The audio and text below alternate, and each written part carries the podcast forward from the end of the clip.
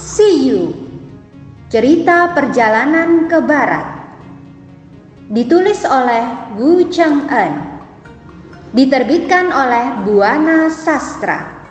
Selamat mendengarkan.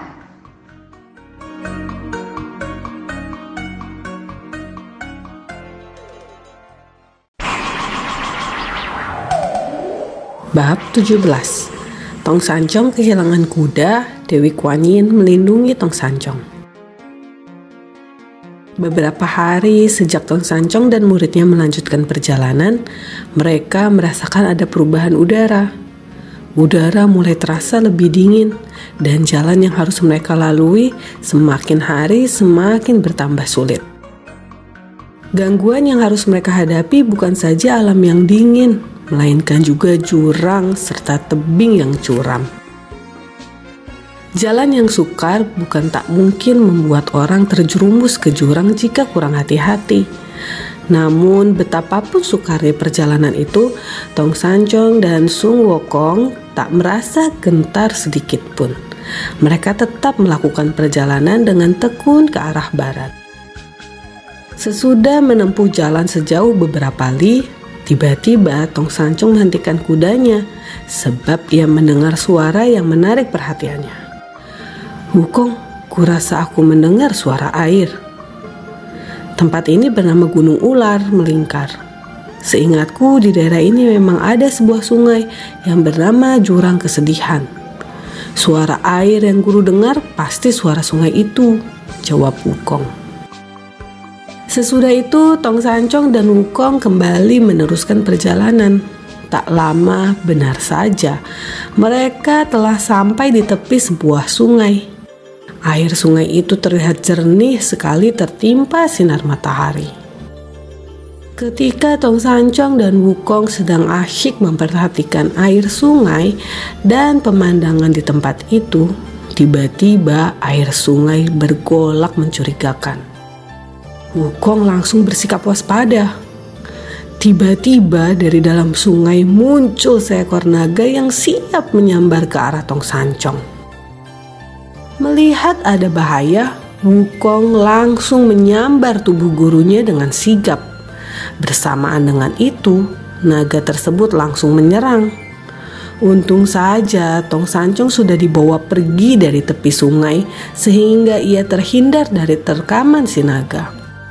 Namun malang bagi kudanya, kuda itu tertelan naga dalam sekejap. Peristiwa itu terjadi demikian cepat hingga membuat Tong Sancong dan Bukong tak sempat melihat apa yang terjadi atas kuda mereka. Wukong segera mencari tempat yang agak tinggi dan menurunkan gurunya di tempat itu. Sang naga yang sudah berhasil memangsa kuda langsung menghilang ke dalam sungai dalam sekejap. Sesudah menyelamatkan gurunya, Wukong kembali ke tepi sungai untuk mengambil kuda dan buntalan mereka. Ketika sampai, ia heran karena kuda mereka tak tampak lagi. Di tepi sungai hanya tertinggal buntalan pakaian gurunya. Sesudah mencari kian kemari dan tak berhasil menemukan kudanya, Wukong segera kembali ke tempat gurunya menunggu. Melihat Wukong kembali dengan hanya membawa buntalannya, sang guru menegurnya. Mana kuda kita? Entah ke mana kuda itu. Tadi sudah kucari, tapi tak ada di sana. Jawab Wukong. Celaka, kau harus cari kuda itu sampai dapat, kata Tong Sancong. Kalau begitu guru tunggu di sini, akan kucari lagi kuda itu. Sung Wokong cepat-cepat melompat ke udara, kemudian berputar-putar di sekitar sungai. Dengan matanya yang tajam, ia mencari-cari kalau-kalau kudanya ada di sekitar situ. Mata api emas Sung Wokong tak sanggup menemukan kuda itu. Kemudian dia berpikir, apa kuda itu ditelan naga? Kalau benar, betapa besar naga itu. Setelah cukup lama mencari dan belum juga berhasil, Wukong khawatir gurunya akan cemas, sehingga ia terpaksa kembali ke tempat gurunya. Bagaimana? Sudah ketemu? Tanya Tong Sancong. Belum guru. Wah, barangkali kuda itu ditelan sang naga.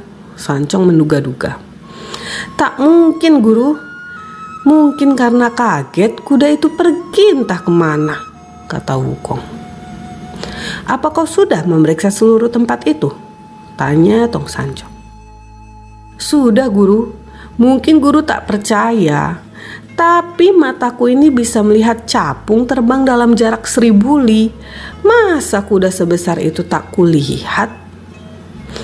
Siapa tahu kuda itu terhalang hutan atau semak? Kata Tong Sancong. Tak mungkin guru. Oh kalau begitu kita celaka. Kalau kuda itu ditelan naga, bagaimana kita bisa melanjutkan perjalanan yang demikian jauh? Kata Tong Sancong amat cemas. Sudah, guru jangan cemas. Tunggu saja di sini. Aku akan mencoba untuk mencarinya lagi.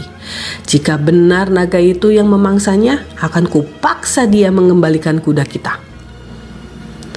Jangan Wukong, sangat berbahaya. Dan ke mana pula kau akan mencarinya? Sudah guru jangan cemas, akan kucari dia.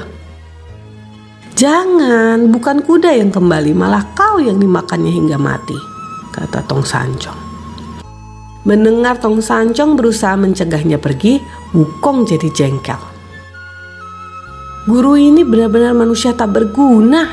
Guru mengeluh ingin kuda, tapi juga melarangku pergi mencarinya. Apa kita harus menunggu sampai tua di sini?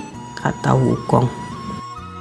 Ketika guru dan murid itu sedang perang mulut, tiba-tiba terdengar sebuah suara.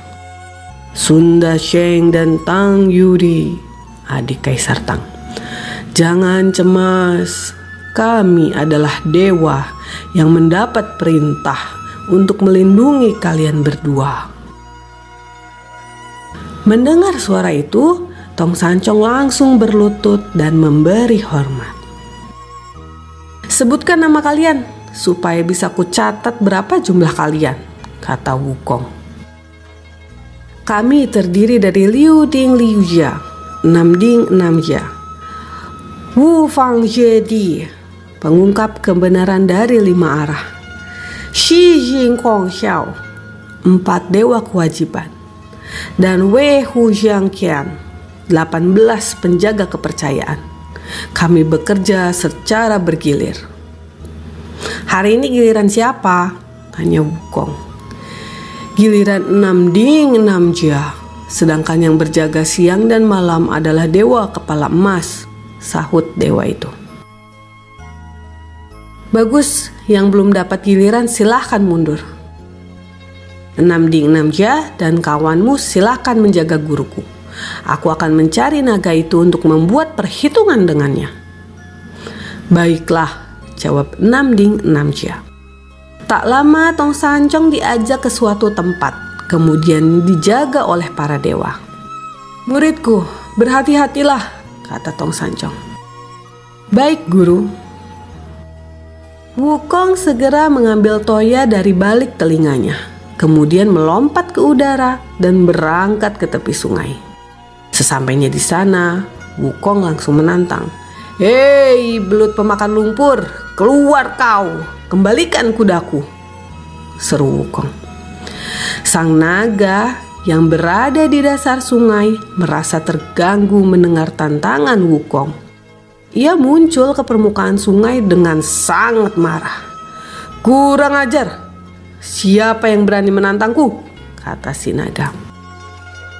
Tutup mulutmu, kembalikan kudaku, kata Wukong yang langsung menyerang dengan toyanya.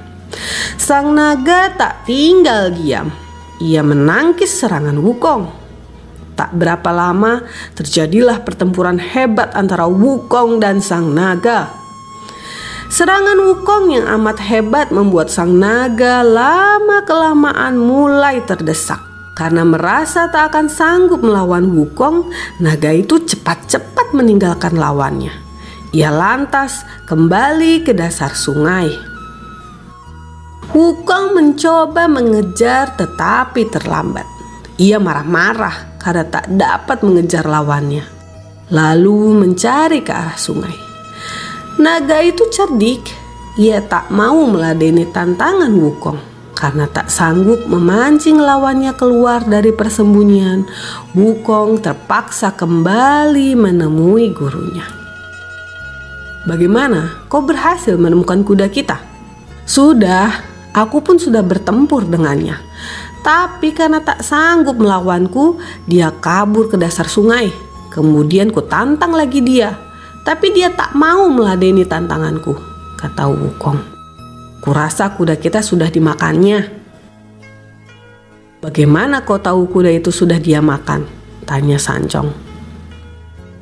Ketika dia kutuduh dan ku minta mengembalikan kuda kita, dia tidak marah. Kalau belum dia makan, pasti dia marah, kata Wukong. Aku masih ingat ketika kau berhasil membunuh harimau. Kau bilang tidak hanya harimau, tapi naga pun sanggup kau bunuh. Kenapa sekarang kau tak dapat membuktikan ucapanmu? Kata Tung Sancong. Wukong merasa kesal mendengar sindiran gurunya. Sudah cukup, guru jangan menyindirku. Sebentar lagi akan ku cari dia untuk kuhajar, kata Wukong. Dengan cepat, Wukong kembali ke tepi sungai Sesampainya di sana ia mengaduk air sungai sehingga airnya bergolak. Dasar sial, lolos dari hukuman langit tetapi sekarang malah datang si kurang ajar ini. Aku tak bisa membiarkan dia berbuat sesuka hati di hadapanku, kata sang naga. Hei iblis, sungguh berani kau menghinaku, bentak sang naga. Siapa kau? Jangan banyak tanya. Lekas kembalikan kuda kami kalau kau mau selamat. Kuda?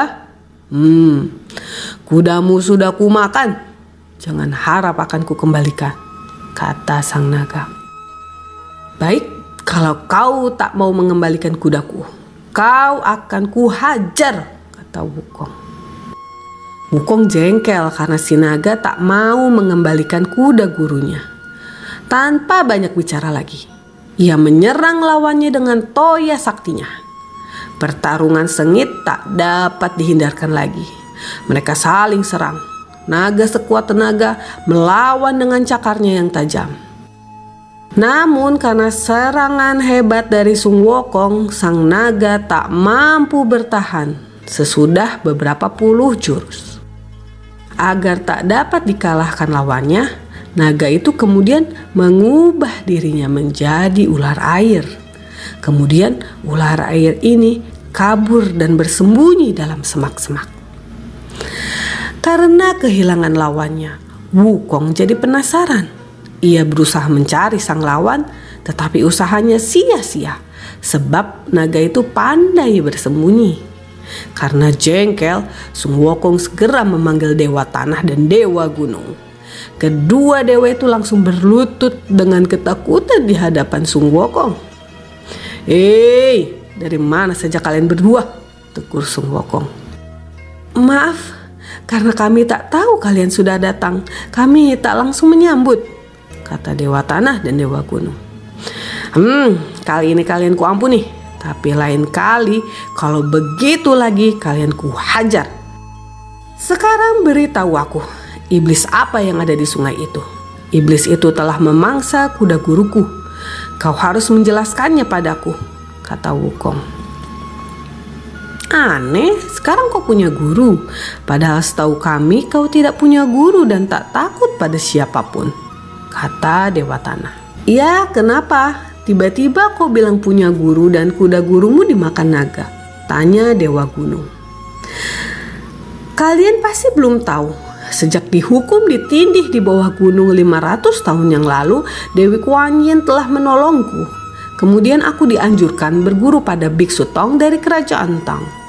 Sesudah bebas, aku menjadi muridnya dan mengemban tugas mengantarnya mengambil kitab suci ke barat. Ketika kami sampai di tepi sungai, seekor siluman naga menyerang guruku.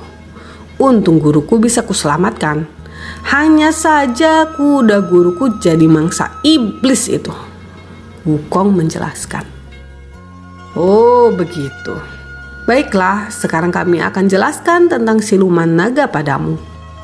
Pada mulanya tidak ada iblis yang tinggal di sungai ini. Air sungai ini amat jernih sehingga dasar airnya bisa terlihat dengan jelas jika kita memandangnya. Burung gagak dan burung lain pun tak berani terbang di atas permukaan sungai sebab mereka sering tertipu oleh bayangan sendiri. Itu sebabnya sungai ini diberi nama jurang kesedihan. Setahun lalu, ketika Dewi Kuan Yin sedang mencari calon biksu yang mau pergi ke barat, Dewi Kuan Yin telah menolong seekor naga yang akan dihukum mati. Setelah bertobat, naga itu ditempatkan di sungai ini. Sang naga diperintahkan untuk menunggu kedatangan Biksu Tong. Dia sudah dilarang melakukan kejahatan apa pun. Dia hanya mencari binatang untuk dimangsa ketika lapar. Tapi heran sekali. Kenapa hari ini dia makan kuda Biksu Tong yang sedang ia tunggu-tunggu? Kata Dewa Tanah. Sesudah dia menyambat kuda guruku, aku mencarinya dan kami bertempur. Tapi karena dia tidak sanggup mengalahkanku, dia kabur dan sembunyi di dalam sungai. Ku aduk sungai dan ku tantang dia sehingga dia marah dan muncul lagi. Sesudah kami bertempur lagi, dia kalah lagi. Lalu mengubah diri jadi ular air, kemudian kabur. Aku sudah mencoba mencarinya, tapi si iblis itu lenyap sampai sekarang, kata Wukong. Masuk akal jika naga itu sulit dicari. Mungkin Tuan tak mengetahui di dasar sungai banyak lubang tembusannya. Kami yakin ular itu bersembunyi di salah satu lubang tembusan itu.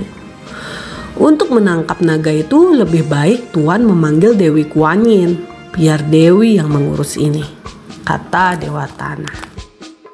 Mendengar laporan itu, Wukong sangat gembira.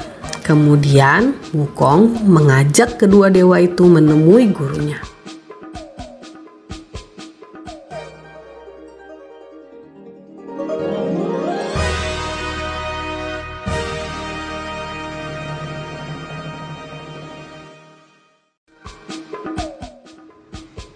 Dengarkan kisah selanjutnya.